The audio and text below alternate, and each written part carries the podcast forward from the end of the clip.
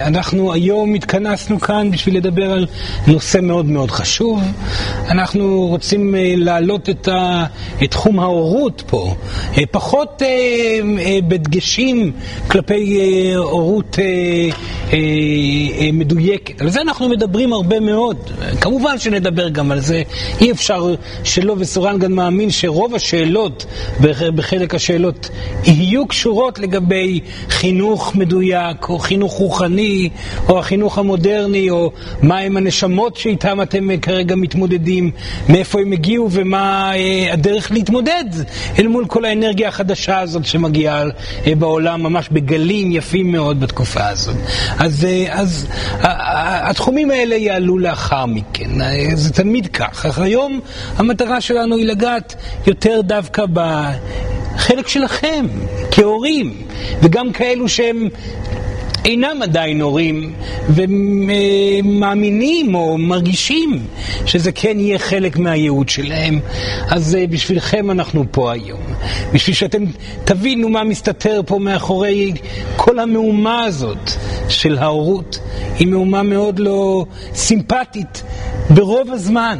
ממש ברוב הזמן אה, אה, יש התנגדות מאוד גדולה לתחום ההורות, ובעולם אנחנו רואים יותר ויותר את הדבר הזה מגיע במקומות מסוימים בעולם שישנן תרבויות שחושבות כבר שעדיף שלא, ודווקא התרבויות המודרניות.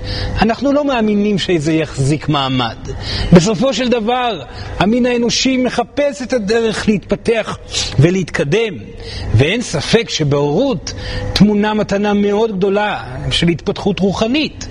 אולי היא איננה שווה בעוצמתה או בגודל שלה בחלק מן המקרים אל מול ההתפתחות והעוצמה שמתקיימת בתוך הזוגיות. אבל היא מגיעה ישר לאחר מכן.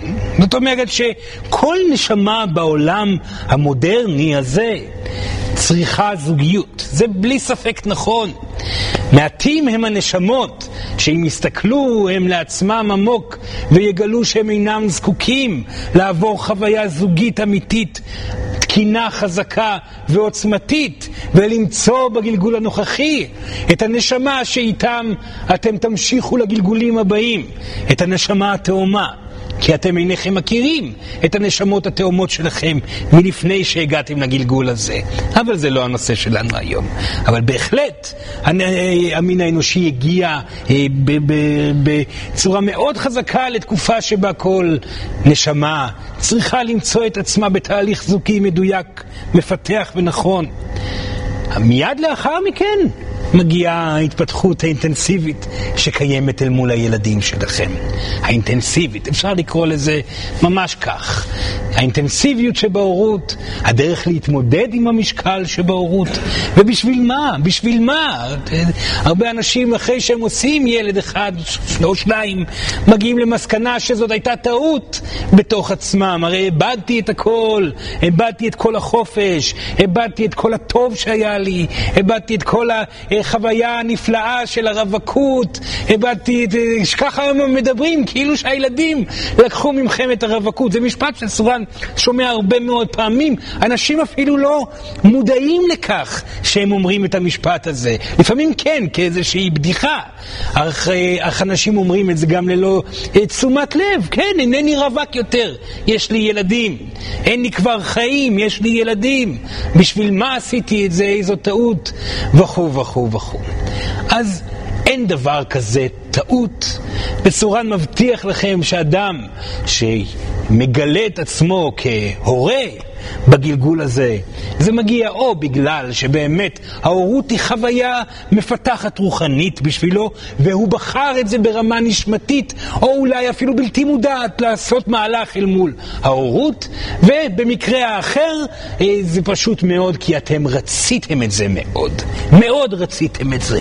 ומי שרוצה להיות הורה, ומי שמרגיש שיש בו את הצורך הפנימי הזה, למצוא את ההענקה שנמצאת בהורות, האפשרות, אז הוא יקבל את האפשרות בגלגול הנוכחי, הוא יקבל אה, אה, בביטחון את האפשרות לחוות את החוויה הזאת. למרות שהנשמות שמגיעות בתקופה הזאת הן נשמות מאוד מאוד לא מתפשרות, והן זקוקות ליציבות כאשר הן מגיעות לעולם הפיזי, הן אינן מוכנות להגיע למשפחות מפורקות, או הורים אה, אה, שכבר אה, אין בהם את היכולת אה, אה, להתמסר התמסרות מלאה לתוך ההורות הזאת.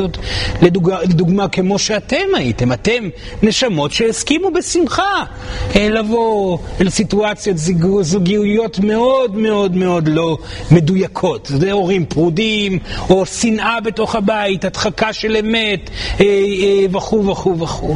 הנשמות שמגיעות עכשיו דורשות כבר רמה אחרת של מוכנות, ולכן ישנם הרבה מאוד זוגות וישנן נשים שמנסות אה, בקביעות להביא נשמה לעולם הזה, והנשמות חוזרות ואומרות לא ולא ולא, ולא ולא ולא, ושוב פעם לא ושוב פעם לא, ומנה נכנסים לתוך התהליכים הרפואיים של הכניסה להיריון, וגם שם זה לא עובד, ומרוב המקרים, רוב מוחלט של המקרים, אין בכלל קשר למצב הפיזי של אותו אדם, אין בכלל קשר לפוריות של האישה או הפוריות של הגבר, זה לא הסיפור בכלל, אלא אך ורק המוכנות של אותו הורה, אישה, גבר, אה, אה, להכיל את האנרגיה של הנשמה שמגיעה.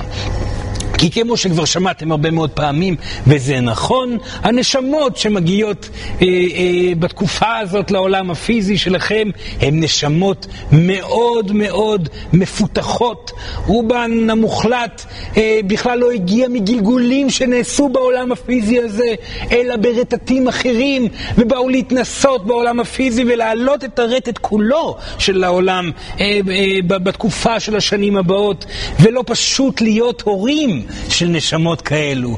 לא היה פשוט להיות גם הורים של נשמות כמוכם, אבל עכשיו, בשביל להיות הורים טובים, וזאת המטרה שלכם, להיות הורים טובים, זאת אומרת הורים שאתם מרגישים עם עצמכם שהייתם הטובים ביותר. זה פחות העניין של איך הילד היה, איך הוא הגיב לה, להורות שלכם, למרות שברוב מוחלט מהמקרים כאשר אתם מדויקים, הילד גם הוא ילמד דיוק מהו. הכוונה היא שאתם יודעים לפעול נכון כהורים ברמה רוחנית מתוך עצמכם. הילד גם הוא יגיב באופן מיידי לרטט שבו אתם תהיו, וזה גם המהות של כל החינוך החדש. החינוך החדש הוא לא אה, אה, הפיקציה הקבועה של חינוך. החינוך הוא לא רלוונטי, אתם לא מחנכים אף אחד, אתם מעולם לא חינכתם אף אחד, אתם לא חונכתם על ידי אף אחד. זה מדעית עוד מעט גם יהיה מוכח, אם כבר לא מוכח עכשיו. אה, אה, אה, אה, בסופו של דבר לא מסגרות חינוכיות הם אלו שאחראיות על הנשמה של, של הילד, אם הוא יהפוך להיות אדם טוב או לא טוב, מדויק או לא מדויק, אה, כעסן או, או מחבק. וגם לא ההורים, אתם תסתכלו עליכם, ההורים שלכם אה, לא בהכרח היו טובים או לא טובים, מדויקים או לא מדויקים, במילים עדינות אפשר לומר את הדברים האלה, ואתם יצאתם די בסדר. אתם יושבים פה, אנשים נחמדים, לא אה, אה, בכוונה רעה אה, כל הזמן ולא בצרות עין, אולי פה ושם, אבל בהחלט אתם אה, נשמות מתקדמות, ו, וזה מוכיח, וזה אמור להוריד מכם את המשקל הזה, שאתם כל הזמן נוטים לשים אותו על עצמכם. אתם לא מחנכים את הילדים שלכם. אתם מגיבים לסיטואציה שהילד נמצא בה בצורה המדויקת ביותר. זאת אומרת שאתם מרגישים בה נעים, כמו כל דבר אחר בעולם. המטרה היא למצוא את הדרך להיות באנרגיה מאוזנת, שלווה ונעימה אל מול הילד. מה שנפלא, שמי שמתרגל פה מדיטציה כל הזמן, וחושב שזה מה שיעזור לו להיות באנרגיה מאוזנת, מדויקת ונעימה אל מול הילד, טועה בגדול. כי זאת הסיבה שמרב האנשים שחוו אה, אה, גלגולים של נזירות מדיטטיבית, לא היה להם ילדים. כי הם ברחו מהסיכוי להתמודד עם הקושי שבהורות. וזאת הסיבה שאותם אנשים חווים עוד גלגול ועוד גלגול ועוד גלגול ועוד גלגול עד שהם יבינו שהם צריכים להתמודד גם כן עם ההורות.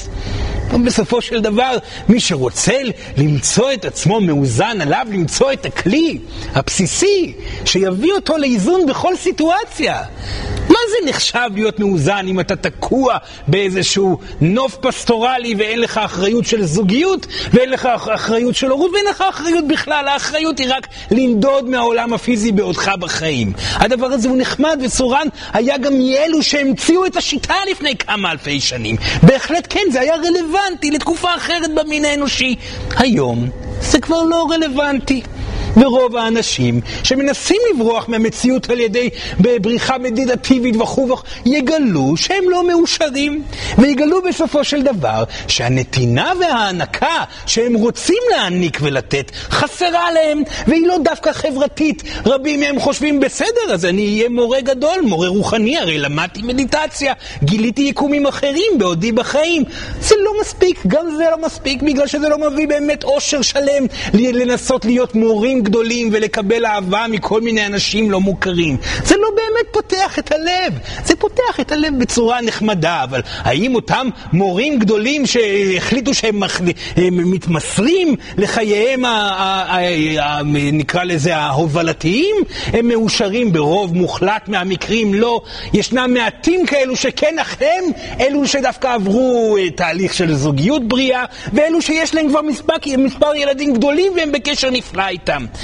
יש, אפשר לספור על יד אחת את כמות האנשים שבעולם נמצאים במקום ותפקיד של הובלה רוחנית וכבר עשו את כל התהליך הזה. מעטים מאוד, יגיעו עוד בהמשך, בעיקר נשים. יגיעו עוד ועוד ועוד נשמות שיעשו את התהליך המלא הזה, אבל אין ברירה. התפתחות רוחנית מגיעה מהיכולת שלכם להיות בסיטואציות לא מאוזנות במרכאות ולהצליח להיות נעימים. זה אושר, זאת עצמאות. לא משנה איפה אני אקח אתכם, אשים אתכם בבית עם אישה עצבנית ושלושה ילדים, ואתם בסדר גמור. או אקח אותך ואשים אותך במדינה רחוקה באפריקה עם צריף מקש וארבעים ילדים מסביב, ואתם בסדר. זאת רוחניות אמיתית. לא משנה מה קורה בעולם הפיזי, אני מצליח ומצליחה להיות מדויקת. נעים לי. וזה המשמעות של חינוך מודרני. מול כל סוגי הילדים. כאשר הורה מרגיש נעים אל מול הילד שלו, כי הוא הצליח לפתור את הדילמה שהוא חווה אל מול אותו ילד. או הדילמה שהוא חווה אל מול העומס בהבאת הילדים. או הדילמה שהוא חווה בתוך הזוגיות אה, אה, והמשפחתיות. כאשר אדם מצליח לעשות את זה, הוא עשה התפתחות רוחנית יוצאת דופן. יוצאת דופן. אדם שיכול להגיד לסורן, יש לי ארבעה ילדים, שלושה ילדים, ילד אחד, נתחיל מזה, סליחה, ילד אחד, ואישה בבית, או יש לי גבר בבית וילד אחד, ואני מאושר ומאושרת לחלוטין, אינני מודאג או מודאגת, ואני חווה חוויה של איזון תמידי, הסורן יוריד את הכובע שאין לו, דבר ראשון, ויגיד, הצלחת במשימה, הגיע הזמן להביא ילד שני.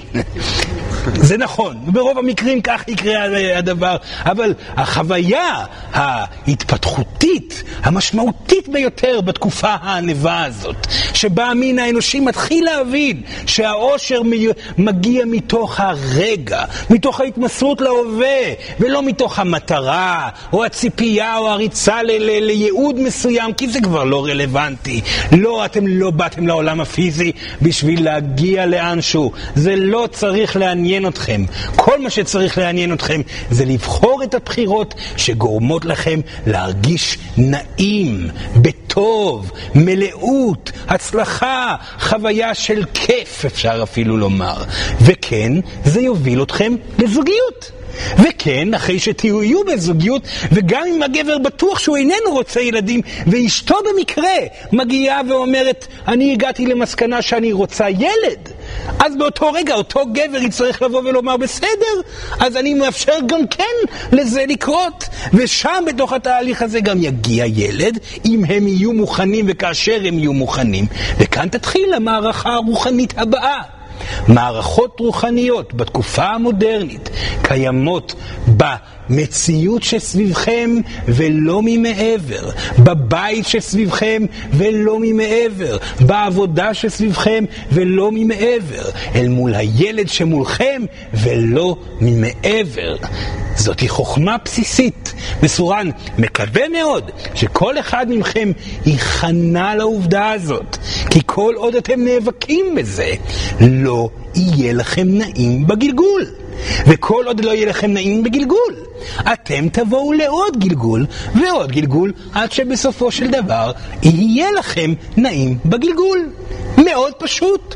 ולמען שזה יקרה, עליכם לנצח פחדים, לבחור בחירות רלוונטיות, לדייק את עצמכם, להשתפר מרגע לרגע למען איזון הרגש, ואם סורן הצליח את זה, כי הוא הצליח ולכן הוא גם ישות, כי הוא הגיע לאושר המוחלט בתחום הזה, גם אתם, ילדים יקרים, יכולים לעשות את זה.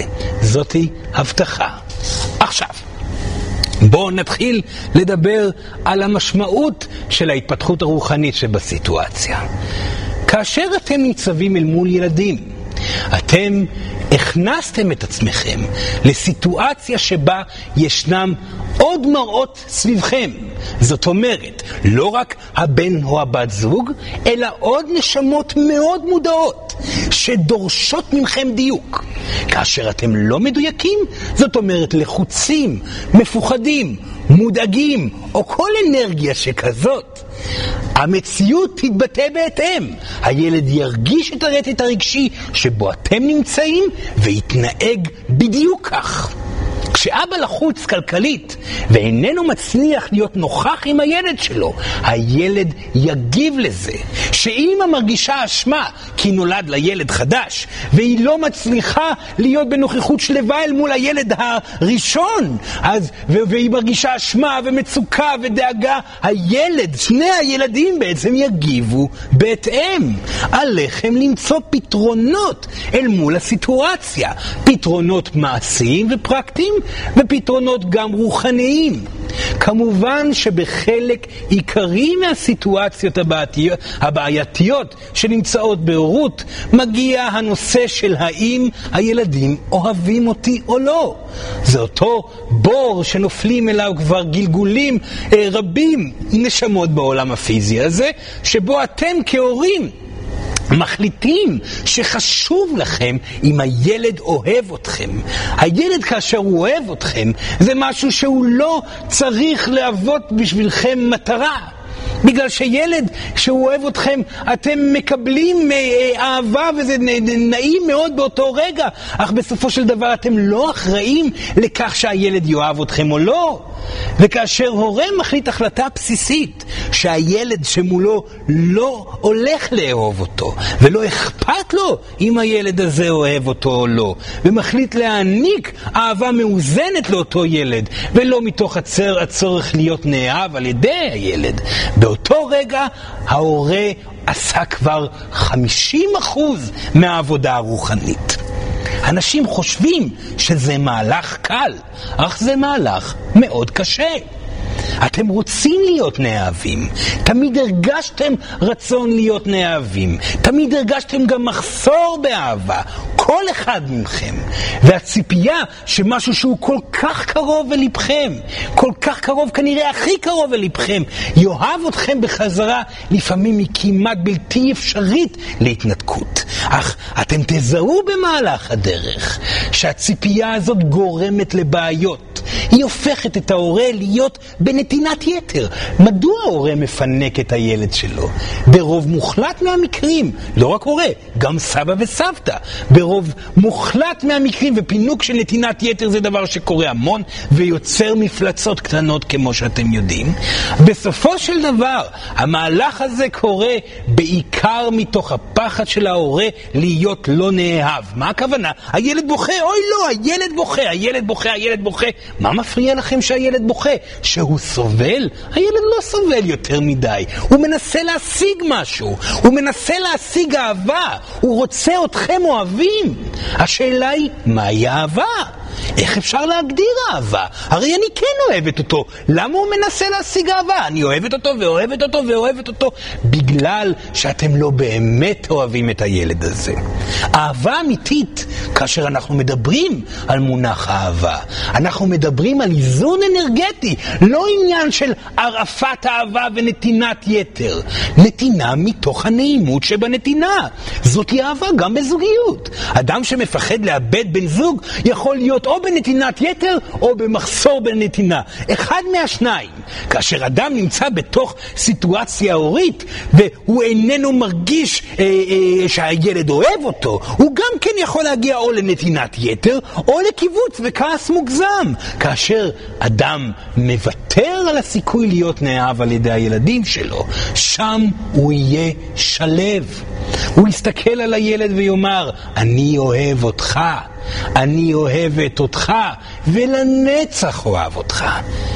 גם אחרי הגלגול הזה ואחרי אחרי הגלגול הזה תמיד אני אוהב, אני אעשה הכל בשבילך או בשבילך, אבל אינני זקוק או זקוקה לאהבה שלך או שלך. ככה. כי אני לא צריך את זה. אני לא פה בשביל שתאהבו אותי. אני פה בשביל להרגיש נעים, בדיוק מהסיבה שאתה, ילד קטן, באת הנה. להצליח להרגיש מאוזן ונעים בעולם הפיזי של סביבכם. זאת הסיבה שאנחנו פה. ולכן אני כבר עכשיו מראה לך, וזה החינוך האמיתי, איך אני אהיה מאושר.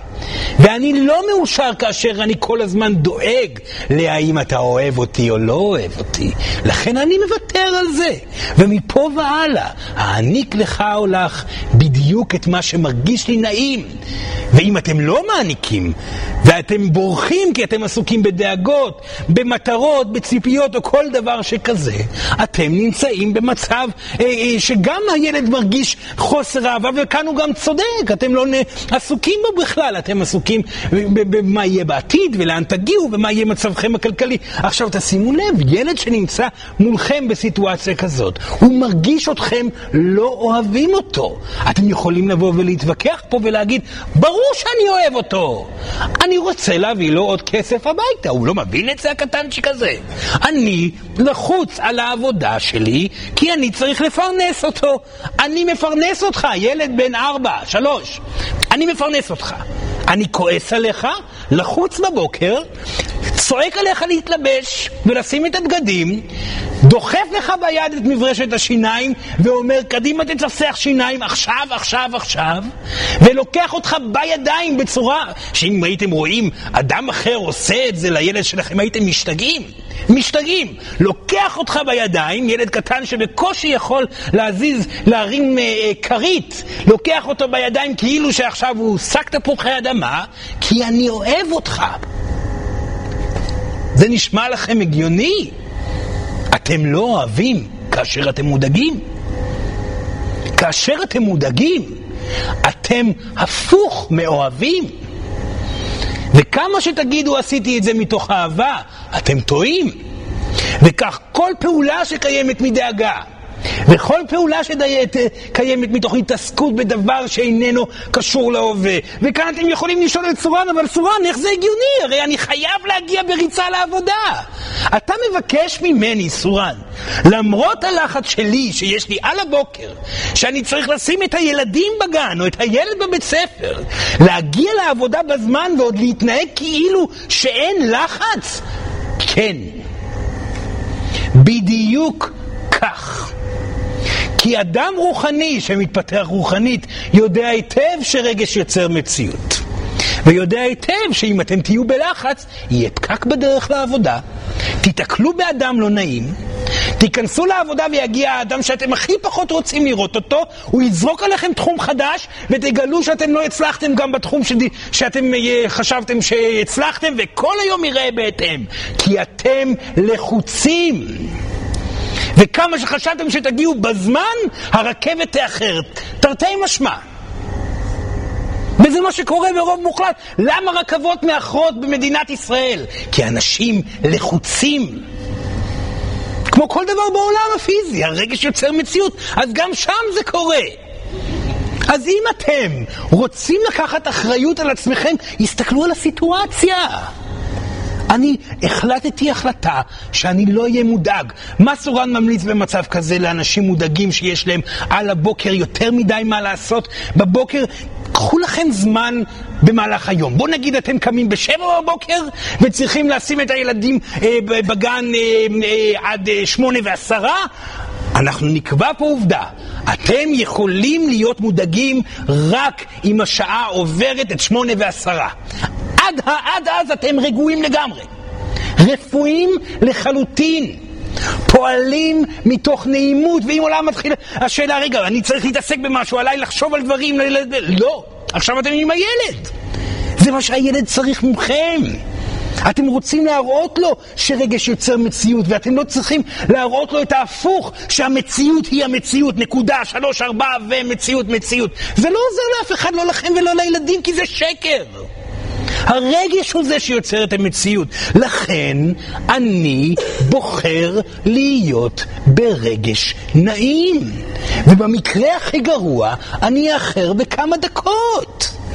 ומול הילד הזה אני מתבונן עליו ואומר לו בוקר טוב, נותן לו נשיקה והילד יקום. הוא יקום, סורן מבטיח, הוא יחייך ויגיד אבא, אמא, בוקר טוב! וילך לבד לשירותים.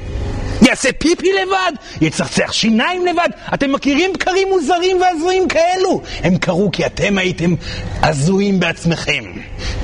רגועים. שכנעתם את עצמכם שאתם לא רוצים לרדת לפסים הקיצוניים של הדאגה. אמרתם לעצמכם שעדיין לא הגעתם לעבודה ולכן אין לכם צורך להתעסק במשהו שהוא איננו קיים. התמסרתם אל הילד, ולפעמים פשוט, גם אם הוא מתנגד ובוחן אתכם ומנסה להשפיע על הלחץ שלכם, אתם לקחתם אותו בנשיקה גדולה, ותוך כדי משחק ושירה הרמתם אותו למקלחת, ילד כבר עכשיו יהיה רגוע. מספיק שתזיזו אותו גם כשהוא בוכה, בחיבוק ואהבה, ברוגע ושלווה פנימית, ותשימו אותו בסיטואציה שאליה הוא מתנגד, הוא כבר יהיה רגוע. סורן מדבר גם על ילדים גדולים פה, אותו דבר. נו, הילד בן 12, הוא לא רוצה לקום לעבודה, לא רוצה שום... תבואו ב... ללימודים, סליחה, תבואו אליו מאוזנים. הילד בן 12, הוא לא רוצה לקום, הוא שונא את הבית ספר. נכון, יש סיבה הגיונית. בואו תדברו אליו רוחנית. הוא כבר בן 12, יש לו קרמה משל עצמו, הוא קשוב רוחנית. ילד, אם אתה נשאר עוד פעם אה, אה, בבית, במיטה, איך אתה תתמודד אל מול כל התהליכים שאתה רוצה לעשות בצורה חברתית? כל ילד יבין את זה, כל ילד יבין את זה. אתה יודע מה חשבתי הבוקר כשקמתי, ילד יקר שלי? שאין לך צורך לפחד. כי אני הבנתי שהדבר הכי חשוב זה שלא יהיה לך אכפת מה אחרים חושבים עליך. ואתה יודע הכי טוב איפה לתרגל את זה? איפה זה הכי טוב? בבית ספר. ילד יקשיב, הוא יפסיק לריב. כי אתם הייתם למענו, הייתם איתו, והיה לכם לעשות את זה בצורה מלאה, לא לדקלם משפטים של סורן, לשכוח את העבודה, לשכוח את הדאגה כלפי הילד, כלפי מה יקרה, כלפי מה יקרה בחיים שלכם, אתם עכשיו איתו. הוא יגיב לזה באופן מיידי. ילדים דורשים מכם נוכחות בהווה. מבלי שהם ידעו את זה, הם דורשים את זה מכם. ולכן ילדים הם בעייתיים. ילדים הם בעייתיים. אם זה ברמה תחלואית, אם זה ברמה חינוכית, אם זה ברמה חברתית, בגלל שההורים שלהם לא נוכחים בהווה. זאתי הסיבה. זאת הייתה הסיבה שבגללה אתם הייתם נוראים לילדים של... להורים שלכם. אז זאת היא גם הסיבה שהילדים שלכם עושים את זה גם בדיוק בגלל אותו דבר. הם רוצים לראות אתכם ברוחניות, בפוטנציאל שאתם צריכים להיות. וסורן כאן מדבר על כל סיטואציה מול ילד. גם מורים זה אותו דבר, גם גננים וגננות זה אותו דבר בדיוק. כל סיטואציה מול ילדים, הילד מבקש, אתה מבוגר? בוא נראה אותך. בוא נראה אותך רוחני באמת. אני עכשיו אעשה בלאגן פה. בוא נראה אותך נמצא ברגע. לא דואג על האם יאהבו אותך או לא, לא דואג אם יפטרו אותך מהעבודה או לא. בוא נראה אותך מאוזן אל מול הרגע, וכאשר מורה או, או, או גננת או אבא או אימא או סבא או סבתא מצליחים להיות ברגע אל מול הילד, הילד יגיב לזה. כי אתם לא תיתנו לו אפשרות וסיבה להמשיך לבחון אתכם. אותו דבר גם צריך להגיע עם הצבת גבולות. הרבה פעמים שואלים את צורן, מה עליי לעשות במקרה א', במקרה ב', במקרה ג', תמיד אפשר לדבר במקרים, הבעיה שיש אין סוף מקרים. האמת היא שהדרך לטפל בכל סיטואציה מתחילה בחוויה הרגשית שלכם ונגמרת גם כן בזה, זה פחות משנה מה תגידו. ופחות משנה שתגידו לילד שלא אוכל, שיתחיל לאכול כאן ועכשיו, ויותר משנה שאתם תרגישו מאוזנים אל מול האפשרות שהילד לא אוכל.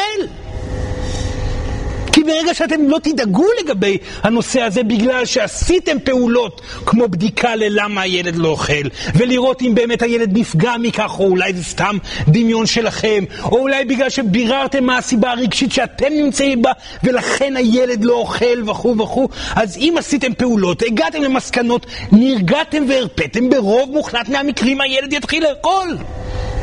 וכאשר יש ילד עם בעיה פיזית, גרד בגוף, בעיה רגשית בכיתה וכו' וכו' וכו', תפתרו את המצב.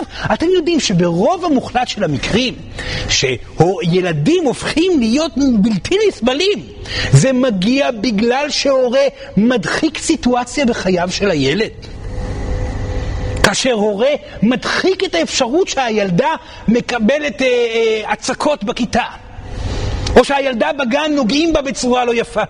כמה מקרים אנחנו נתקלים במקרים כאלו איומים ונוראים, שהילדה מגיעה הביתה ואומרת, אבא, נגעו בי, או אבא, לא נעים לי, ומסמנת סימנים, ומדברת על מיניות בגיל חמש, וזורקת משפטים קשים מאוד, ואבא ואימא מתעלמים, לא, לא נאמר פה כלום, הילדה לא נפגעת מינית בגן, או בב... בגן, סורן מדבר על גיל הגן, בגלל שההורים לא מוכנים להתמודד עם העובדה שמשהו נוראי קורה. חוסר התמודדות זה בריחה ממציאות. בריחה ממציאות זה רגש שקיים בתוככם, שרוצה להתבטא החוצה ואיננו מתבטא, ולכן הדבר הנורא ביותר יקרה על מנת שהוא יוכל להתבטא החוצה. ושואלים אחר כך למה ילד יתאבד חס וחלילה. כי ההורה היה טעון ברגשות, חרטות, מצוקה ואשמה מהתעלמות של שנים לגבי המצב של הילד, התעלם מכך שקרה כך וקרה כך וקרה כך, והילד כבר לא יכל להתמודד עם זה שההורה אה, מתעלם ואמר אף אחד לא אוהב אותי, הגיע למסקנה בעצמו וזה כבר עניין נשמתי שלו, אבל ההורה עצמו לא התמודד אל מול המציאות. ההתמודדות אל מול המציאות היא חשובה מאין כמוה, והורה שלא אומר, אני רוצה להרגיש בטוב, ולכן כשאני מקבל סימן מהיקום שהילד נמצא במצוקה כלשהי, עליי לבחון אותה, לבדוק אותה ולפתור אותה. הרבה פעמים התשובה תהיה בסדר, דאגתי אולי מוקדם מדי. אולי בדקתי כמה דברים וראיתי שבסופו של דבר הכל בסדר גמור, גמור אבל תגיעו למסקנה הזאת מתוך התעסקות בנושא, לא מתוך בריחה. כמו, כמו שההורים שלכם עשו? יש כל כך הרבה נשים שנפגעו מינית אך ורק בגלל שאבא ואימא לא רצו להיות מודעים לכך שפוגעים להם בהם מינית, ולפעמים בבית שלהם, ממש מתחת לאף, לאף שלהם. סבא, אה, אה, חבר, אה, אח גדול, כל כך הרבה סיפורים שלא מדוברים בכלל. גם על ילדים, בנים וגם על ילדות בנות. וזה אך ורק בגלל שההורה לא יכל היה להתמודד אל מול הכאב, אל מול האשמה, זאת אומרת התעלמות מחוסר האיזון הרגשי שבו הוא נמצא. ההורות מיועדת לאיזון רגשי. איזון רגשי מגיע מתוך התמודדות, לא מתוך הדחקה. איזון רגשי מגיע מתוך פתרון אקטיבי, פתרון רוחני, מתוך החלטה בסופו של דבר גם להיות אנשים מאמינים, להשתפר בכל דבר בחייהם בשביל שהם יוכלו להגיע הביתה, להיות מאוזנים ונוכחים בצורה מלאה אל מול הילדים, שבסופו של דבר הרבה יותר חשובים מההתעסקות בייעוד. ייעוד נמצא מתחת לילדים בכמה דרגות. זוגיות, ילדים, כלב, ייעוד. אולי חתול גם באמצע, אם יש עכבר בקיר אז גם הוא. ייעוד נמצא איפשהו. ילדים זה חשוב יותר, סורן מבטיח לכם. הרי כל גלגול שסיימתם, ולא משנה איך היה הייעוד, כאשר שואלים אתכם בשמיים, בשמיים, אחרי שיצאתם מהגוף הפיזי אל הרטט האינסופי, מה הייתה הטעות שלכם? ברוב מוחלט מהמקרים זה לא נתתי מספיק זמן ונוכחות עם הילדים שלי. ואתם יודעים את זה, אך עדיין רצים לייעוד כאילו שיש בכלל סיבה להיות שם. כאילו שבאמת אפשר להגיע לאנשהו. על ידי ריצה אחרי הייעוד, כי זה לא עובד ככה בימים האלו של הרוחניות הנשית. והאמת היא שככל שאדם מרפה ממשהו, כך הוא מקבל אותו. וזאת הסיבה האמיתית ללמה אתם עושים ילדים. כי בעזרת הילדים יש לכם מכונה קטנה ומפלצתית מול העיניים, שכל הזמן דורשת מכם. תר... אבא, תרפה מהייעוד שלך. אמא, תפסיקי להתעסק בעתיד. תפסיקי לדאוג לגבי מה יהיה ואיך יהיה, אבא, תפסיק לדאוג על כסף. תרפה, תהיה פה איתי. ברגע שאתה מרפה ומצליח להרפות, הדברים קורים לבד. אז הרבה פעמים עומדת השאלה, אם אני אעשה ילד או ילדה, לא יהיה לי יכולת להתפתח בייעוד. ממש לא בדיוק הפוך. ברוב מוחלט מהמקרים, כאשר גבר, בעיקר גבר, אך גם נשים, בהחלט, בוחר להתמסר למשפחתיות, השפע גדל. זאת הדרך להפוך להיות לעשירים יותר. בגלל שבאותו רגע, כאשר שיש משהו חשוב יותר בשכל ובנשמה שלכם, מהייעוד שלכם והמצב הכלכלי שלכם, ואתם לוקחים במצב בצורה משנית את הייעוד, אתם מרפים ממנו, וסוף סוף מתחילים, נותנים לו לזוז לבד, ואז מגיעות הפתעות ואפשרויות, דלתות נפתחות, כלכלית המצב משתפר, וזה הכל הגיע בגלל שהוא הפך להיות בדרגה נכונה, הוא אחרי זוגיות וילדים. בגלל זה הורות זה מהלך מצוין ונכון ומדויק לשפע כלכלי. עוד סיבה טובה להביא ילדים. בהורות יש קסם. הקסם של ההורות הוא בהתבוננות לאיך הילדים מגיבים לנוכחות המאוזנת שלכם.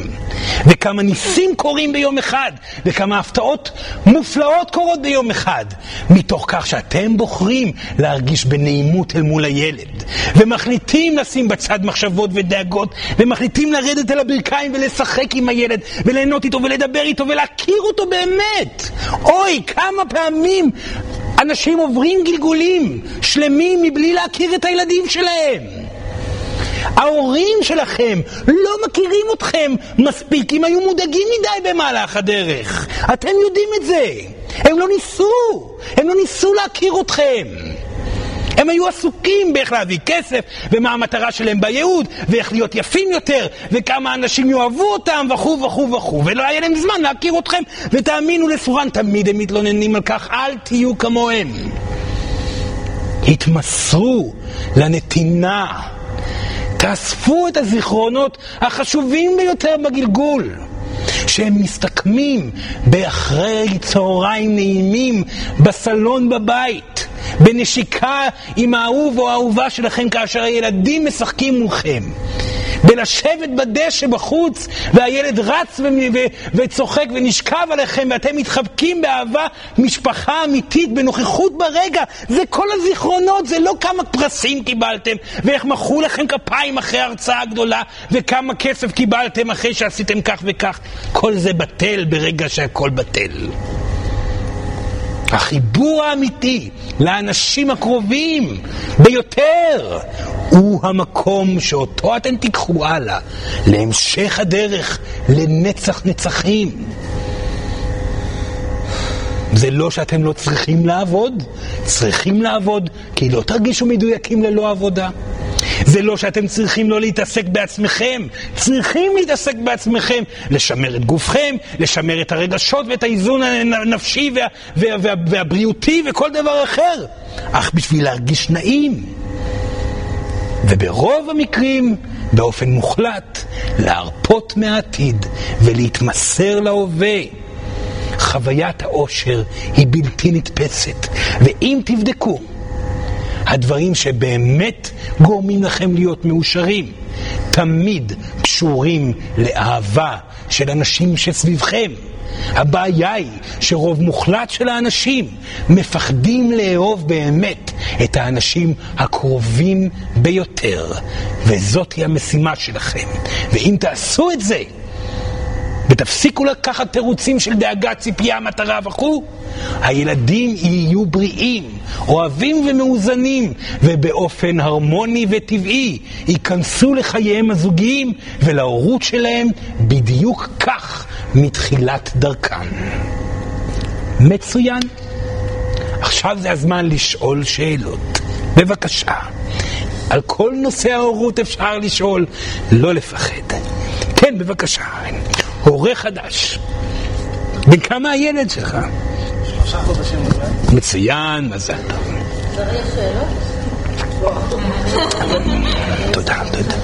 איך אתה אמור להיות... אה, חזק לשאול את השאלה. אני עומד בסיטואציה מול הילד, ויש כל כך הרבה דעות מסביב. כל כך הרבה דעות. איך אתה יכול להיות מדויק? כי כל דבר יש איזה 20 דעות של אנשים, איך לעשות זה, מה לא לעשות, וזה אומר א', וזה אומר ב', וזה אומר ת'. איך אתה יכול להיות מדויק מול הסיטואציה הזאת? אני רואה את הילד בוכה, ובהרגשה שלי הפנימית אני אומר, אוקיי, הוא בוכה, הוא יכול לבכות, אני פה, אני מחזיק לך את היד, תפקד, תירגע, לא, בספר הזה כתוב שאסור חס וחלילה, זה עושה לו איזה משהו במוח. והסבתא אומרת, מה פתאום? מחזיק אותו על הידיים, הוא לא מתרגל, הוא יכול גם עד גיל שנתיים להיות על הידיים. כן. אתה, אני מוצא את עצמי בסיטואציה, אני לא מכיר את זה, סיטואציה חדשה, לא יודע מה לעשות, לא מכיר, לא יודע מטפלת, לא יודע גן, לא יודע מה, לא יודע, אין לי מושג. כן. איך אני יכול להיות... אה, מצוין, שאלה נפלאה. דבר ראשון, זאת הסיבה שהילדים הראשונים יוצאים הכי דפוקים, נכון? תמיד הם אלו שאוכלים את כל uh, המכות.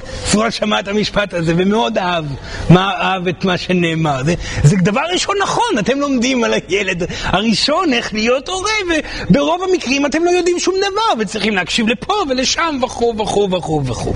בסדר. דבר ראשון, סורן חייב לומר, שאם הילד, תחזיקו אותו בידיים כשהוא בוכה, או תשימו אותו במיטה לישון איתכם, או שתיקחו את הילד למטפלת או לגן, או שיהיה איתי בבית כל השנה הראשונה, או בשנתיים הראשונות, זה ממש ממש ממש לא משנה. רוב הילדים בגיל הזה לא זוכרים שום דבר, וטוב שכך. מגינים על הנשמה אה, אה, של הילד הראשון בשכחה מוחלטת עד גיל שנתיים בימינו. בתקופה שלכם זה היה עד גיל ארבע, זיכרון ראשון שלכם מגיע בגיל ארבע, אז הילדים האלו יתחילו בגיל שלוש אה, אולי ו- ושנתיים. אז יש לכם זמן לטעות. רק תשמרו שלא ייפלו על הראש. בסדר? שלא ייפלו על הראש, שלא יחטפו שריטות יותר מדי מדברים חדים וכל מיני כאלה, דברים, ובסדר, אבל האם הילד להרים אותו, לא להרים אותו, זה הכל עניין של דיוק רגשי. ישנם הורים שנכון להם, מתוך הבחנה ובדיקה, שהילד יישן במיטה עד גיל ארבע, זה קורה וסורן מקבל את זה מאוד. ישנם כאלו שמה פתאום, ילד צריך לישון בחדר. כל הורה ועניינו שלו. אל תדאגו על זה, זה לא סיפור. זה לא בגלל זה שאתם נותנים לו אהבה מוגזמת ומרימים אותו ושמים אותו במיטה, אז הילד יהיה בלתי נסבל. הוא יהיה בלתי נסבל בגלל דברים אחרים. ומה שנפלא אצל ילדים, שהם משתנים ברגע. זאת אומרת, אם הורה משתנה מולם, מספיק שגם אם היו עכשיו שלוש או ארבע או חמש שנים של pattern קבוע, של בעייתיות חוזרת, ההורה השתנה, הילד ישתנה. גם בגיל 30, 40 ו-50.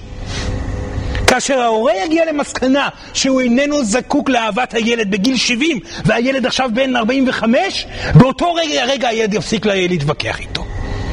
יפסיק לעשות לו עניינים וסיפורים כי אין כבר למי, אז זה לא משנה אם תעשו את זה בגיל 4 או בגיל אה, 50, התוצאה היא אותה תוצאה. אתם לא צריכים להיות כל כך מודאגים.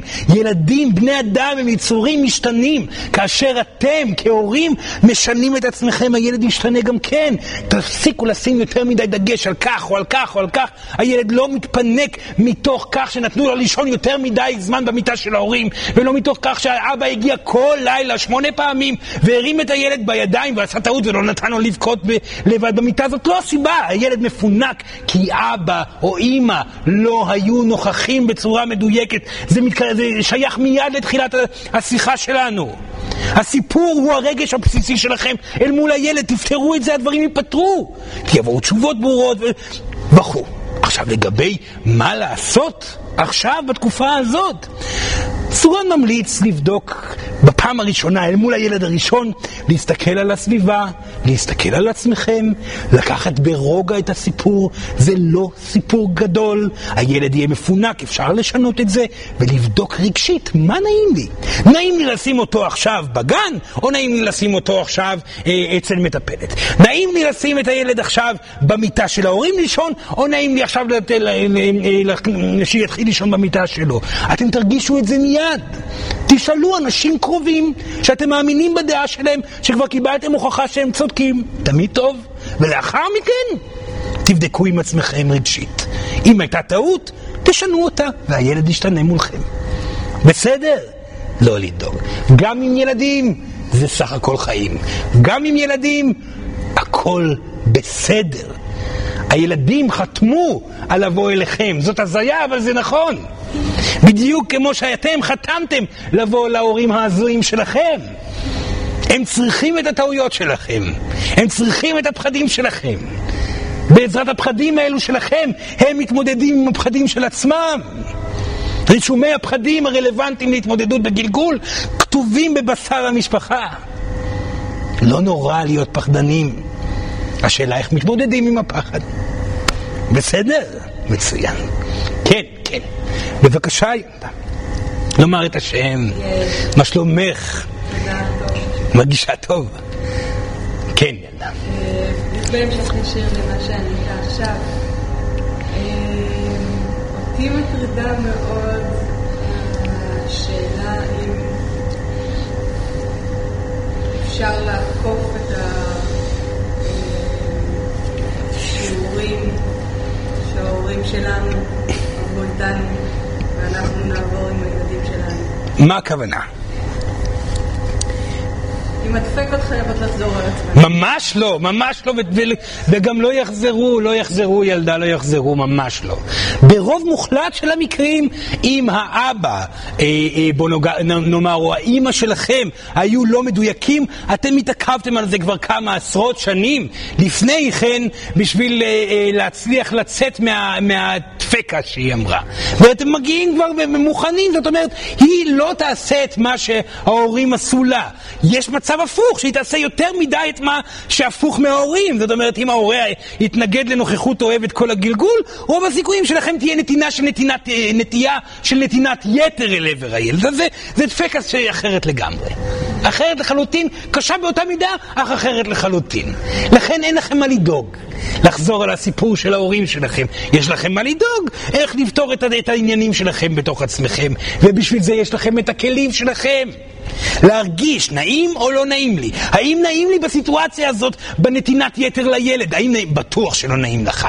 לא, לא נעים לך כי את בדאגה תמידית, את במצוקה. למה אני במצוקה? כי אני מפחדת שהילד תבכה, אני מפחד שהילד לא יאהב אותי, אני מפחד שהוא סובל ממשהו. אני בדקתי אותו ברפואית, בדקתי אותו באוזניים, בפה, זה לא שיניים, אין דלקת אוזניים, הקקי בסדר, הפיפי בסדר, הוא אכל טוב, אז זה לא פיזי, למה הוא בוכה? למה הוא בוכה? זה כנראה רגשי, זה רגשי שלו, הוא קטנצ'יק עדיין. זאת מראה שלי. מה הסיפור פה? אני במצוקה ולכן הוא בוכה? מה המצוקה שלי? אני מפחדת, אני מפחדת שהילד הזה יצא פגוע, דפוק וכדומה. אז אם כך עכשיו, אני מקבלת את העובדה שהוא יצא פגוע ודפוק. אין לי מה לעשות בקשר לזה. הדבר היחידי שיש לי מה לעשות זה להיות אימא טובה. אני נרגעת מהנושא הזה, אני עכשיו הולכת להיות אימא טובה, אני אהיה בנעימות, אם הילד יצא דפוק זה כבר לא ענייני, עשיתי את זה טוב ביותר שאני יכולה למען זה שאהיה אימא טובה, ואם הילד יצא כך או כך, מה יש לי לעשות? אני בכל מקרה אעשה את הטוב ביותר. באותו רגע, הילד יפסיק לבכות. סורן חייב לתת עוד דוגמה, שקורית הרבה מאוד פעמים, בעיקר להורים של ילד ראשון. הילד בוכה, לא, זה קורה לאבות הרבה מאוד פעמים. הלילה הראשון עם הילד לבד.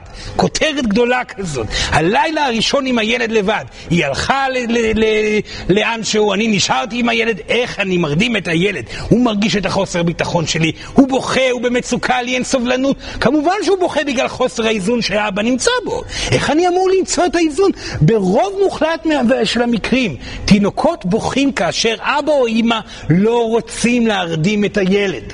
זאת אומרת שהם רוצים לראות טלוויזיה, כי היה להם יום ארוך של עבודה, הם רוצים לאכול איזה משהו טעים שיש להם במקרר, כי הם חושבים שהם רעבים, האם יש לזה לרוב אכילה רגשית כלשהי וזה לא קשור בכלל לרעב, אבל הם רוצים את זה? האם רוצים עכשיו לבוא ולפתור תשבץ? יש איזה ספר שהם חשבו שהם חייבים לקרוא, או כל מיני שטויות כאלו.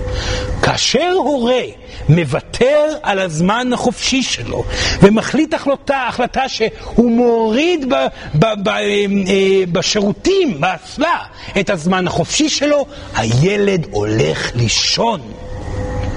כי הוא מרגיש את ההורה כבר לא מפוצל מולו.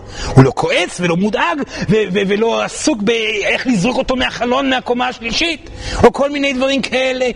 לא, הוא אומר די, נגמר, אין לי חיים, אין לי ספר, אני לא קורא ספר יותר. ספר, אפשר לשכוח מזה. זאת הייתה פריבילגיה של חיי הרווקות שלי, נגמר ספרים, לראות טלוויזיה, כדורגל, זה לא הולך לקרות, אין כדורגל, יש לי פה ילד, וזה כל מה שנותר, ואין לי ברירה, אני גם הלילה לא אשן. כאשר הורה אומר את המשפט, אני גם הלילה לא אשן, ומגיע בערב מחוסל מעייפות מעבודה קשה, והוא יודע שהוא לא הולך לישון בלילה ולא נאבק עם השאלה שלי אם הוא יישן הלילה או לא, ושלם עם העובדה שהוא לא יישן הלילה. אז הוא יישן בלילה. אם לא, הילד יגיב לזה. אבא לא רוצה להיות לידי. אבא נמצא במצוקה, הוא חושב שהוא לא יישן, אז כל הזמן כואב לו וקשה לו ורע לו. הילד לא אומר את כל זה בראשו, הוא אומר כואב לו, קשה לו, רע לו. לי לא נעים, הוא לא נעים, לי לא נעים, רע מאוד בעולם הזה, בלגן בנשמה של הילד. אם ככה, תפסיקו את זה. אין לכם חיים, אתם הורים. זה ידוע שאין לכם חיים. למה אתם נאבקים על פיסות חיים? אין לכם חיים, תנסו להיאבק על פיסת חיים, תקבלו כאפה קרמטית. ככה, בום, מכה. אין לכם חיים, עד שתקבלו את העובדה שאין לכם חיים.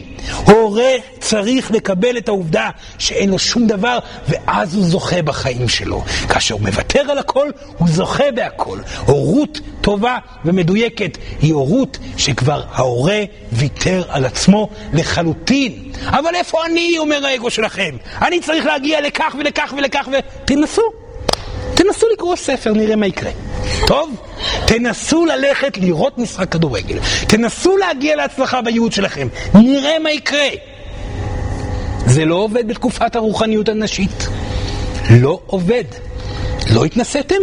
תבדקו. סורה נבטיח, אתם תחזרו, תחזרו לילד הזה עם זנב בין הרגליים.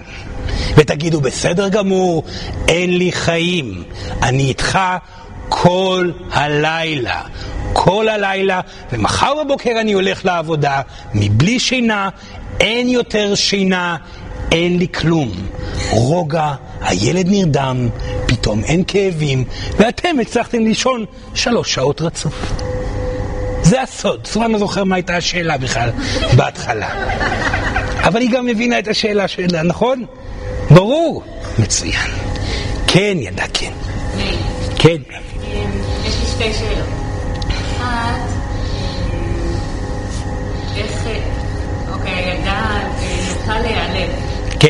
די הרבה, אז רציתי לדעת אם אני אפתור את חוסר הנעימות שזה מעורר בי שהיא נעלבת, אם זה יפתור את העניין, או שיש עוד איזה נדבך. תמיד זה הסיפור של לפתור את חוסר הנעימות שלכם. השאלה היא איך חוסר הנעימות נפתרת.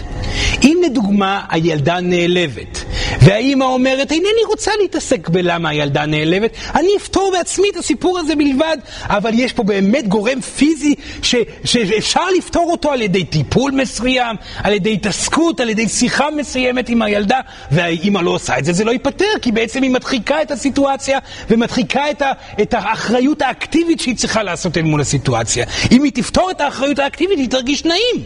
אבל אם מדובר על מישהי שכבר ניסתה, על אימא שניסתה כבר הכל, בדקה את כל האפשרויות, תוצאות ולא נותר כאן שום דבר, אז כנראה נותר העניין רק בה, ואז התהליך הוא רגשי בלבד. חייב, חייבת להיות פעולה חיצונית אקטיבית אל מול הילד, או אל מול גופים שצריכים לעזור לילדים ולהורים, כמו אה, פסיכולוגים של ילדים, כמו אה, עובדות סוציאליות טובות, וכמו אה, אה, וכו' וכו'. יש הרבה אנשים טובים שבנתינה שלהם יש להם ישות, הרבה מאוד אנשים טובים ש, שעוזרת להם לתת תשובות מדויקות להורה.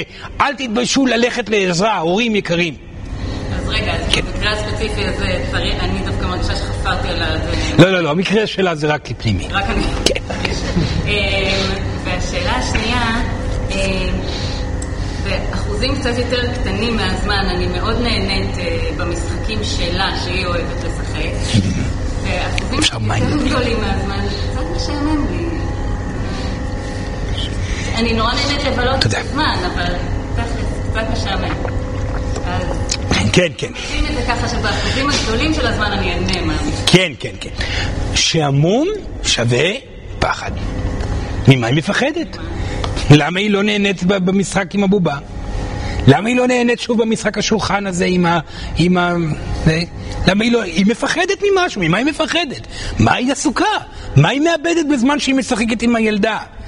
אם אתם משועממים, זה אומר שאתם אינכם נוכחים במאה אחוז. הסיבה שאינכם נוכחים במאה אחוז, אתם עסוקים בפחד מסוים. תפתרו את הנושא הזה, תהנו בחזרה עם הילדה ותכירו לה משחק חדש. זה הכל. בסדר? אין מקום לשעמום בעולם הפיזי. שעמום מעיד על פחד. תתעסקו עם השאלה מהו הפחד, תתמסרו במאה אחוז לקיים ולא תהיו משועממים אף פעם. בסדר? מצוין. כן.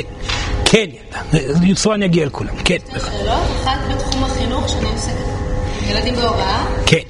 אמ, ויש לי קושי, המערכת חינוך הרי היא ממש גרועה, כן. והרבה דברים, באמת, והילדים באים אליי מתלוננים, כן. ואני לא מצליחה למצוא איזון מול זה, אני אומרת להם במילים עדינות שהמערכת גרועה. כן. זה לא תמיד עוזר.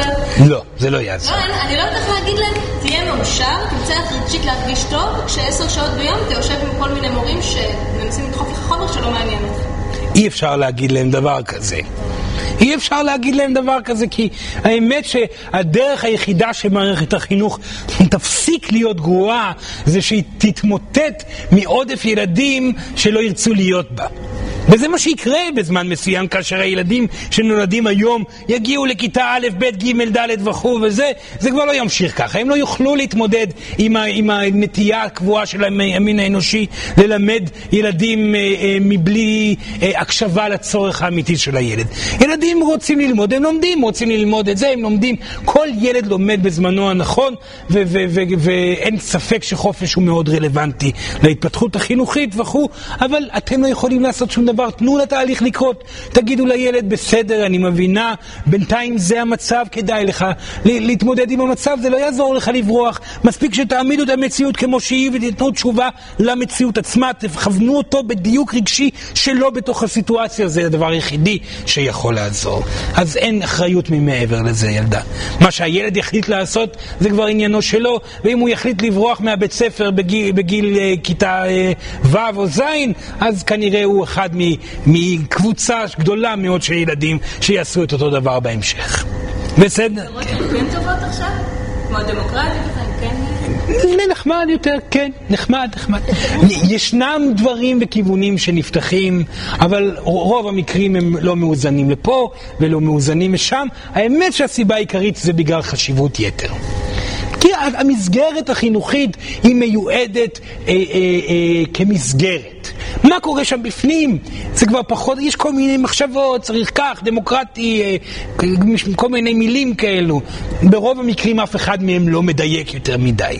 ופשוט מאוד, אתם צריכים להיות כמחנכים, כמורים, ו- ולפי דעתו של סורן ודעת שאר הישויות, סדר המקצועות החשובים במימד הפיזי בתקופה הזאת, אה, בלי ספק מגיע ברפואה וטיפול אה, פיזי. פיזי ונפשי מדויק כמובן, לאחר מכן גננות וגננים, שזה הגיל הקריטי ביותר, ובלי ספק הם אמורים להיות האנשים אה, העשירים ביותר בעולם, ולאחר מכן גם אה, מורים ומחנכים וכדומה, כל השאר לאחר מכן. אין ספק שזאת, זה החשיבות המשמעותית ביותר בדיוק העולמי. זה לא המצב, נקווה שבעתיד זה ייראה כך. בכל מקרה, אם הורה, מורה, גנן, גננת, מצליחים להיות הם מאוזנים אל מול הילד ולהראות להם דוגמה של איזון דיוק ואיזון רגשי אל מול הילד בנוכחות שלהם. עשיתם את כל מה שאתם צריכים. הילד יהיה לו ספר לקרוא א' ב', יהיה לו ספר לספור עד מאה, הוא כבר יעשה את זה לבד ברוב מוחלט של המקרים.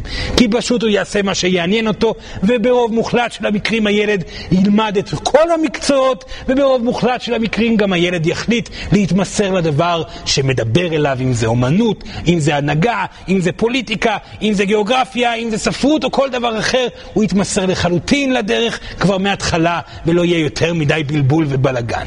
יבוא הזמן שזה יקרה, וגם יבוא הזמן שיבינו עוד המורים שהם לא צריכים ללמד את הילדים, אלא דווקא הילדים שנמצאים בשכבות גבוהות יותר, הם אלו שצריכים ללמד את הילדים הקטנים. זאת הדרך הנכונה לעשות uh, בית ספר. מכל, כל מיני חוקים כאלה. יש בחו"ל, מחוץ למדינת ישראל, יש בית ספר אחד uh, שסורן יכול להגיד שיש שם uh, uh, מנהל שמלווה על ידי ישות מאוד מאוד עוצמתית, והבית ספר שם מתפקד בהתאם. סורן מאמין שזה נמצא בפינלנד. כן. מקום אחד בעולם כרגע שהוא פועל בצורה מדויקת, לאט לאט זה יגיע לעוד מקומות. רגע, רגע, רגע, היה פה עוד אה, שאלה. כן, ילדה, כן. כן,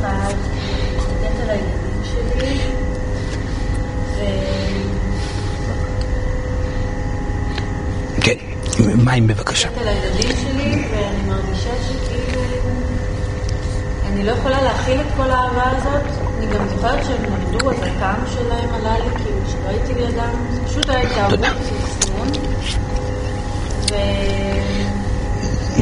ומצד שני, כשאנחנו חוזרים מהגן, אני שמה אותם מול הטלוויזיה, ואני על המחשב מחפשת מתנות ליום הולדת שלי שוב באוקטובר. אז כאילו, השאלה שלי איך להיות יותר אה, נוכחת איתם, כן. מצד אחד. שאלה שנייה שלי, מה יקרה אחרי שאני אמות? כאילו, מי ידאג לבן שלי? כן. כאילו, אני לא יכולה להגיד את זה על הבת שלי. כן. השאלה היא ברורה, ברורה מאוד. דבר ראשון, סורן חשוב לו לומר שהדרך היחידה לדייק את עצמכם אל מול הילדים זה לעשות את זה בפועל. ולהיות מספיק חזקים להתגבר על מכשול האגו שלכם ולהיות עם הילדים ולמצוא את הפעולות הרלוונטיות שבהם הילדים יכולים להיות איתכם. מספיק שישנה שעה אינטנסיבית שאתם בנוכחות מלאה עם, עם הילדים, אתם תרגישו הרבה יותר בנוח לשחרר אותם לעיסוקים שלהם ואפילו להראות להם טלוויזיה. טלוויזיה, טלוויזיה, כמה סורד, הטלוויזיה, המחלה של המסכים, זה הכל שטויות. ילדים הופכים להיות חולי משהו כי ההורים שלהם לא מתעניינים בהם. זה תמיד אותו סיפור, זה לא קשור לטלוויזיה יותר מדי, או אוכל יותר מדי, הילד בהשמנת יתר לא בגלל שהוא אוהב במבה יותר מדי, הילד בהשמנת יתר כי אימא לא רואה אותו ועסוקה בעצמה, כי אבא לא נוכח בבית, זה תמיד הסיבה. הפסיקו להאשים כל מיני דברים חיצוניים. מתחילת משחר הימים תמיד היה רע בחוץ. הטוב הגיע מנוכחות מאוזנת בהורות. בסדר? זה דבר ראשון. דבר שני, השאלה של מי ידאג לילדים שלכם אם אתם תלכו.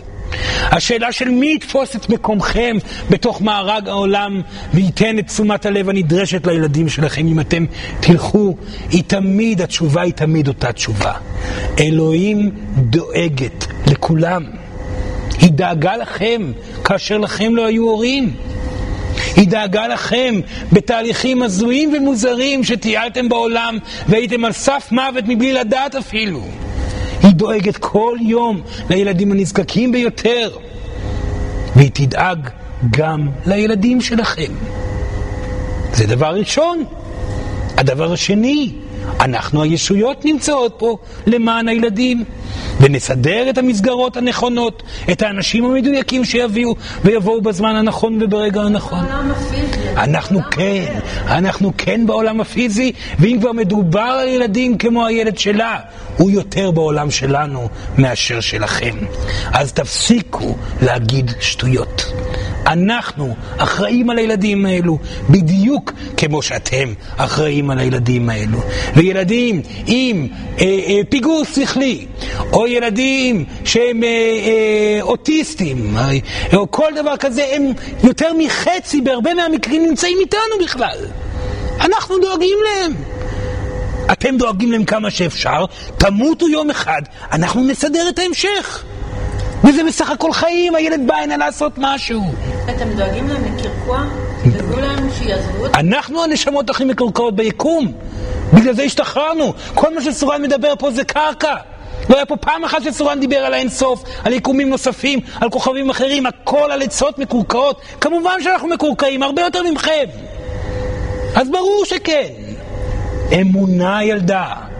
אמונה. זאת הבעיה הגדולה ביותר במין האנושי, וכמובן אצל הורים. בבקשה, כן, שאלה הבאה. כן, רגע, כן. מה שמעניין אותי בצד הרוחני, אנחנו באים לעולם לא מאוזנים, כדי לעבור תהליך של התפתחות. נכון. שבזה אנחנו גם מנוהלים מעל 90 אחוז.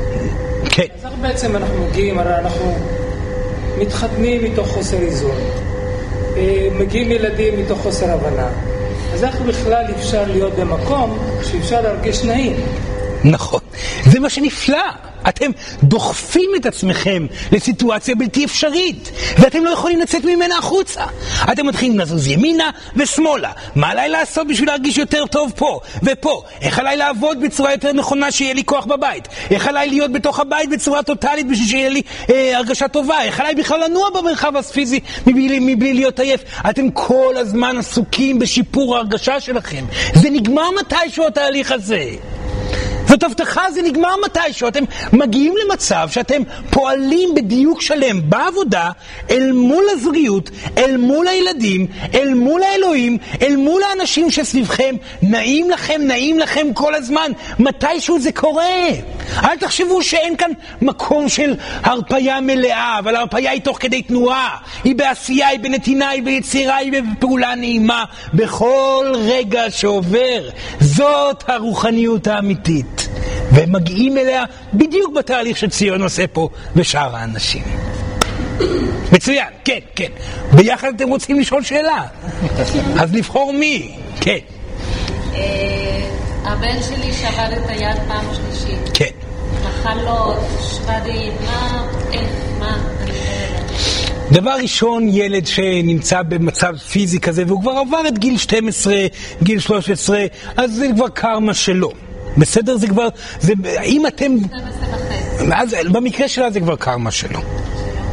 קרמה של הילד עצמו. הוא צריך להיות יותר מודע לעצמו גם בפעולה האקטיבית, יותר מקורקע, ועליו לה, לה, להעביר, ללמוד את המסר הזה. ובעצם אה, אה, ישנה התקדמות שהוא צריך לעשות, והוא עושה אותה לאט לאט, והוא לומד את השיעורים בדרך שלו. היא צריכה לוודא שהיא לא יותר מדי מודאגת בסיטואציה. בסדר? זה המקרה הספציפי שלה. כן, בבקשה. יש לי שתי שאלות אה, לא קשורות, אחת מתוך סקרנות, כן. מתוך כל האנרגיה הנשית שאופפת את העולם, שאלת השאלות של נולד ילד, להעניק או לא להעניק? מה סורן אומר? להעניק? להעניק, להעניק או לא להעניק? הנקה, הנקה. אה, אני דיבר להעניק או לא להעניק בציצי. כן, כן. יש שאלה לגבי הנושא הזה בכלל? יש המון המון אה, נשים, הורים גם אה, מתחבטים להעניק את הילד, או שלתת לו אוכל מטרנה וכל האבקות. תמיד, סורן לא, לא מכיר את השאלה הזאת, אבל אם עולה השאלה הזאת, אז תמיד טוב יותר שיהיה תהליך הנקה. כלשהו. ישנם ילדים שלא יכולים אה, אה, ואינם זקוקים להנקה, והם ילדים שפשוט לא יחי... אה, אה, לא משנה כמה אימא תנסה, היא לא תצליח, אז הילד משוחרר והאימא משוחררת מהמטלה הספציפית. אם יש רצון פנימי והילד מראה נכונות וישנה בעיה בהנקה, צריך לעבוד על זה, כי כנראה קשר ההנקה הוא רלוונטי. בסדר? כן. מצוין, כן. שאלה שנייה בקשר להורים גרושים. כן. עכשיו, אה, כאב שעזב את הבית, אז גם מתאפשר לראות את הילדים נגיד פעמיים בשבוע. כן. וגם לזמנים אה, קצובים וקצרים. בזמנים האלו לילדים יש הרבה כעס בגלל העזיבה, בגלל איך שעזבתי, איך אני יכול להתגבר על אותה אנטיות שאני בא, שכבר אה, היא לא נעלמת, היא פשוט שמה. כן. אני מנסה לעשות הכל ולהיות כמה שיותר נחמד. אין, יש אנטיות, כן. אתה הלכת מהבית, אתה פגעת באימא, יש המון... אה, כמובן, כמובן, כמובן. אם הוא באמת עשה כל מה שהוא יכול, והוא נמצא בדיוק ונמצא בנתינה ואומר את הדברים ונוכח איתם בחייהם כמה שהוא יכול, ומעבר לזה הוא כבר לא יכול לעשות שום דבר ועדיין ישנה מלחמה, קבל את המלחמה. זאת המציאות. כך היא. עשיתי מה שיכולתי, אמשיך לעשות את כל מה שאני יכול. אתם כועסים, כך זה יהיה בגלגול הזה. אני אוהב אתכם לנצח. בסיס האהבה. אבא לא צריך להזדקק לאהבה מילדיו. זאת אומרת שהוא איננו צריך להיפגע מכעס שילדיו מביעים. בסדר? מצוין. כן, כן, בבקשה, כן, כן. כן. הגדול שלי בן 15, אה, באיזשהו שלב הוא החליט להתנתק מקבוצת הכדורסל שלו. סורן מכיר את הילד, כן. מכיר את הסיפור. מכיר, כן. אני כרגע נמצא באיזושהי דילמה, כשהייתי רך איתו ואפשרתי לו, אה, הוא שקע. כן, כשהייתי יותר קשוח איתו, המון התנגדויות והמון קושי. כן. זאת אומרת שהוא אף פעם לא היה במקום מאוזן. זאת אומרת שעליו למצוא, הוא איננו אף פעם היה, אבא שלו לא היה במקום מאוזן עדיין. עדיין הוא מלווה פה ממצוקה פנימית, הילד עדיין בוחן אותו בזה. עליו לבדוק איך לפתור את המצוקה שהוא נמצא בה אל מול הבחירה של הילד שלו ללכת לאיזה מסלול הזוי של הרפאיה מוחלטת. להרגיש שלב ושלם, הילד שלו הוא ילד מאוד מיוחד, הוא ילד שיודע טוב מאוד לאן הוא הולך ויודע לאן הוא ילך. הוא לא מוכן להיות במסגרות רלוונטיות כי זה לא נכון לו גם. להרפות, להאמין בילד, לתמוך בדרך, להיות גאה בו בדרך שלו, להרפות בצורה מאוזנת, הוא שם בפנים ולענות לדילמות ולשאלות בצורה רגועה ובנוכחות מלאה, להיות נוכח. לא לברוח מהסיטואציה, והמצב יתאזן גם כן אצלו. האיזון זה לא בהכרח מה שאתם חושבים, יכול להיות והוא יברח, ילך לכיוון חדש אה, ומעניין משלו. זה הילדים של היום. אבל ללא מסגרת בכלל. אם הוא לא מסכים להיות במסגרת, מסגרת. אם הוא לא מסכים להיות במסגרת והוא לא מוכן להיות בשום מסגרת והוא מתנגד לכל מסגרת, יכול להיות שכן. ואם הוא כן יגיד לו אה, אה, וימצא פתרון לסיטואציה, כמו אתה לא תהיה במסגרת, אבל אני מחייב ואני מבקש ממך לעשות מבחנים מסכמים, אז יכול להיות שיסכים הילד לעשות את זה. למצוא את האמצע שם בנושא הזה. סורן אמר, הרבה ילדים לא יסכימו להיות במסגרות. הרבה מאוד מהם, יותר ויותר, עד שם איזו מסגרת תתמוטט. כך זה יקרה. כן. כן, כן, ילדה, כן. בדרך כלל לילדים יש שני הורים, כן, ולא תמיד הם נמצאים באותו מקום. נכון. מה מה זה בא לשרת הפער הזה? הפער בא לשרת את הסיטואציה בין ההורים, זה לא קשור לילדים בכלל. המאבק שקורה בין ההורים הוא הבעיה פה. האבא אומר אחד והאימא אומרת שתיים, שחור ולבן. זה, הסיטואציה הזאת מיועדת לאימא או לאבא, זה תלוי במקרה. אז אם האימא היא הגורם המתפתח במקרה הזה, כמו המקרה שנמצא פה מולנו, זה אומר שהיא זאת שצריכה לבוא ולבדוק איך היא פותרת את הסיטואציה המצוקתית שקורית כאשר האבא או מכריז הכרזות של שחור.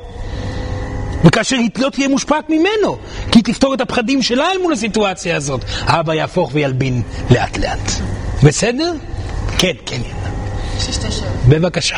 השאלה הראשונה אה, קשורה לאבהות והאימהות של אה, אבא, האבא של הילדים שלי והאימהות שלי. כן, אנחנו גרושים, כן, אבל מאז ומתמיד הוא היה אבא מאוד מאוד רך, כן. ורוצה אה, שהילדים יאהבו אותו, והוא היה באובר נתינה. כן. נתינה עוטפת, רק שהילדים, אה, כל הזמן דאגה גדולה מאוד. כן, כן, ואני תמיד מרגישה את הצורך לאזן את זה. כן. והרבה פעמים אני מוצאת את עצמי בחוסר נתינה, כדי לקחת את זה לאמצע. כן. וזה משהו שקשה לי להתמודד איתו, כי אז אני ביקורת עצמית על למה אני בחוסר נתינה. כן, כן, כן. אז דבר ראשון, יכול להיות שהיא מרגישה חוסר נתינה ביחס לאבא שלהם. אז עליה לבדוק אם נעים לה בנתינה שהיא נותנת.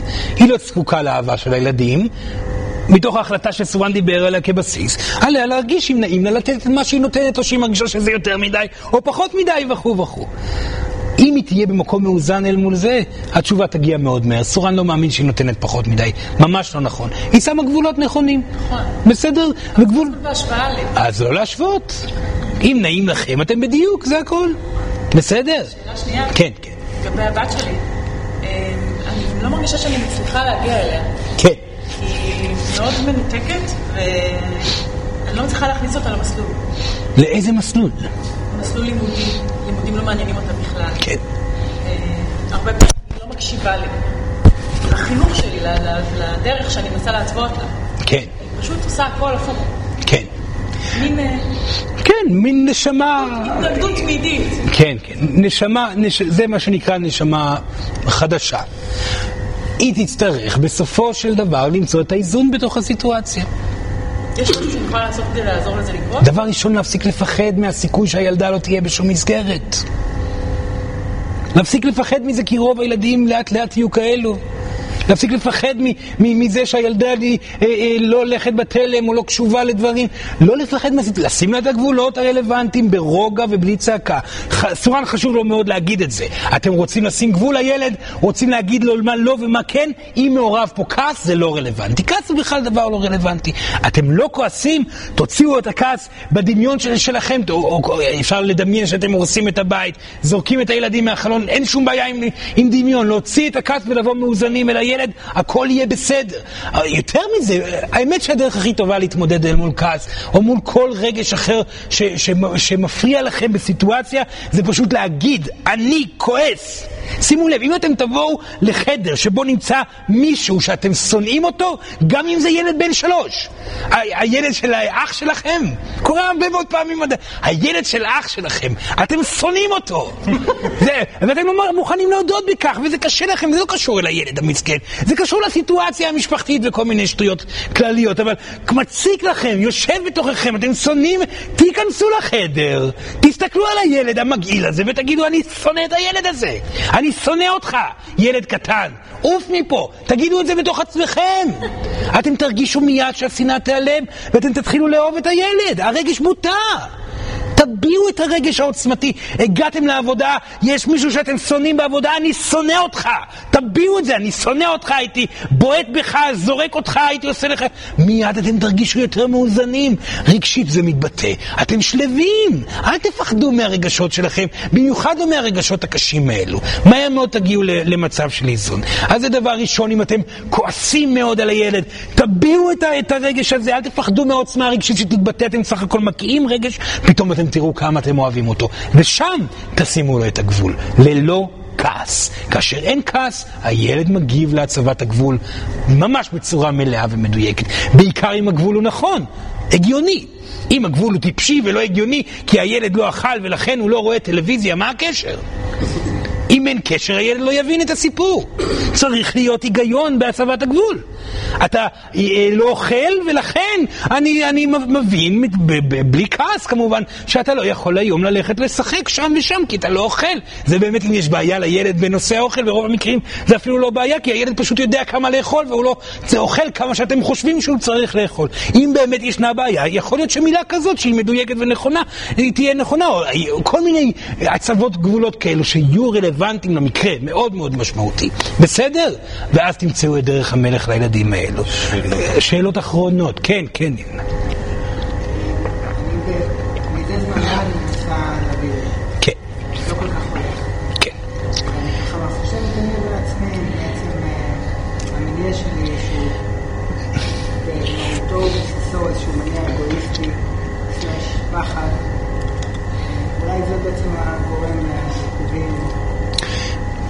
דבר ראשון, היא מעלה את הנושאים האלו, והיא מרגישה שהיא לא מצליחה לה, לה, להביא את הילדים בגלל שיש לה בחירה לא נכונה בנושא הזה, אז היא כבר בתהליך נכון להבאת ילדים. עכשיו, אחד הגורמים העיקריים שמפריעים לנשים להביא ילדים בתקופה הזאת, זה ציפייה ורצון יתר להצליח להביא ילדים. כאשר אישה מצליחה להכיל את חייה ללא הצלחה להביא ילדים, והיא לא בלחץ בזמן הטיפולים או בזמן הניסיון להביא את הילד והגוף שלה רפוי, ורואה את האור גם במערה החשוכה של לא להיות אימא בגלגול הזה, שם הדרך נפתחת להבאת ילדים באחוזים הרבה הרבה יותר גדולים. זאת המלצה לכל אימא שרוצה להיכנס להיריון. תבטלי את הסיכוי שתיכנסי להיריון. תראי את החיים ללא ההיריון, תמצאי את האושר ללא זה, סורן מבטיח שהאחוז גובע בעצ... בכמות אדירה לעבר ההיריון, כי ההרפאיה הרגשית והאנרגטית פשוט תקרה. בסדר? סורן רק מבקש עכשיו, לא נשאל עוד שאלה, כי יש עוד משהו אחד שסורן מבקש שיקרה היום בפגישה הזאת, אז אנחנו ניפרד עכשיו. בבקשה להתיישב זקופים. ולעצום עיניים.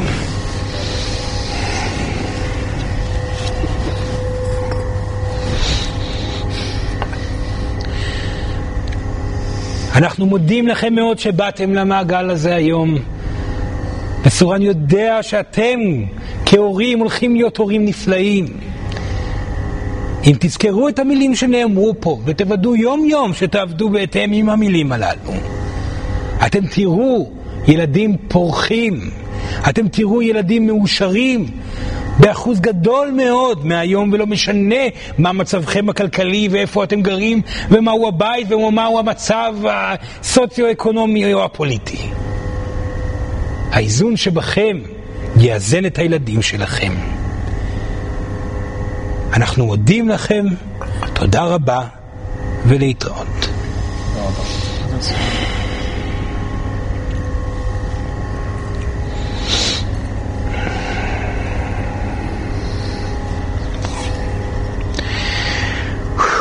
אוקיי. שנייה, אני צריך... שנייה. רגע אחד. רגע אחד. תודה, חבר'ה.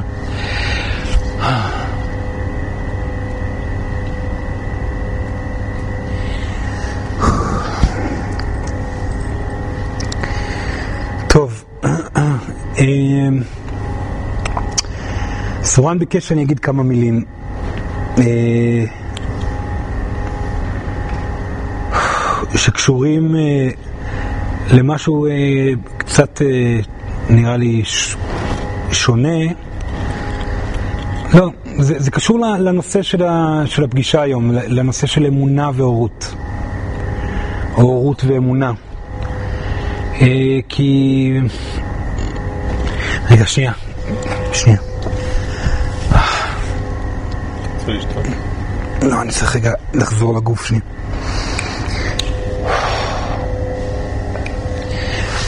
אוקיי. אה, טוב, אני פשוט אסביר את זה ככה. אני, אני מתקשר מלידה, תמיד ראיתי ישויות וראיתי מתים. אני מאמין שכבר מגיל צעיר מאוד ראיתי דברים בעיניים, מול העיניים שלי, שהיו מאוד... אה,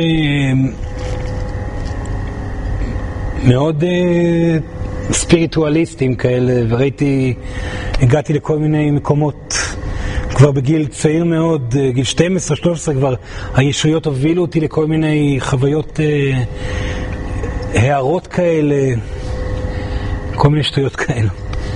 ואני חייב להגיד שאני, בתהליך שלי של התקשור, מגע עם, ה... עם האינסוף אה, ועם האמונה באופן כללי, אני, אני לא יכול להגיד שהייתי אדם מאמין, כי עם כל זה שראיתי את הישויות, ראיתי איך הן משפיעות, ראיתי איך הן מצילים ילדים מול העיניים שלי. ראיתי, אמרתי דברים לאנשים מגיל מאוד צעיר שהייתי צריך לבוא ולהגיד, וראיתי איך זה משפיע ו- ו- ונכון, ועשיתי כל מיני פעולות מוזרות בשביל... עדיין אני, אני אדם מאוד מאוד חשדן. אני לא אדם שמסכים לקבל דברים, אני בודק דברים אלף פעם לפני שאני מקבל אותם, ואני אני יכול להגיד שרוחני באמת ומאמין באמת, אני לא הייתי בתכלס, בתכלס עד, ש, עד שהילד אה, הראשון שלי נולד. עכשיו, אני אגיד לכם למה. כי עד גיל 20 אה, ו... הייתי בן 29, אז באמת, כבר התחלתי כבר לתקשר לאנשים, כבר ראיתי איך זה עוזר בכמות מאוד גדולה לאנשים, ו, ומאוד נהניתי מלראות את התוצאות, אבל תמיד היה לי את ההרגשה, אפילו גם כשהתחלתי לתקשר קורפורלית, אמרתי לעצמי, וואלה, כאילו, אני רואה את הישויות האלה, אני שומע אותן, אבל אולי אני דפוק, אולי אני משוגע, אולי... בוא נגיד את האמת, אולי זה לא, זה הכל שטויות, ואני פשוט אדם מאוד מאוד חכם. וברור שזה לא נכון, כי אני ממש ממש לא חכם.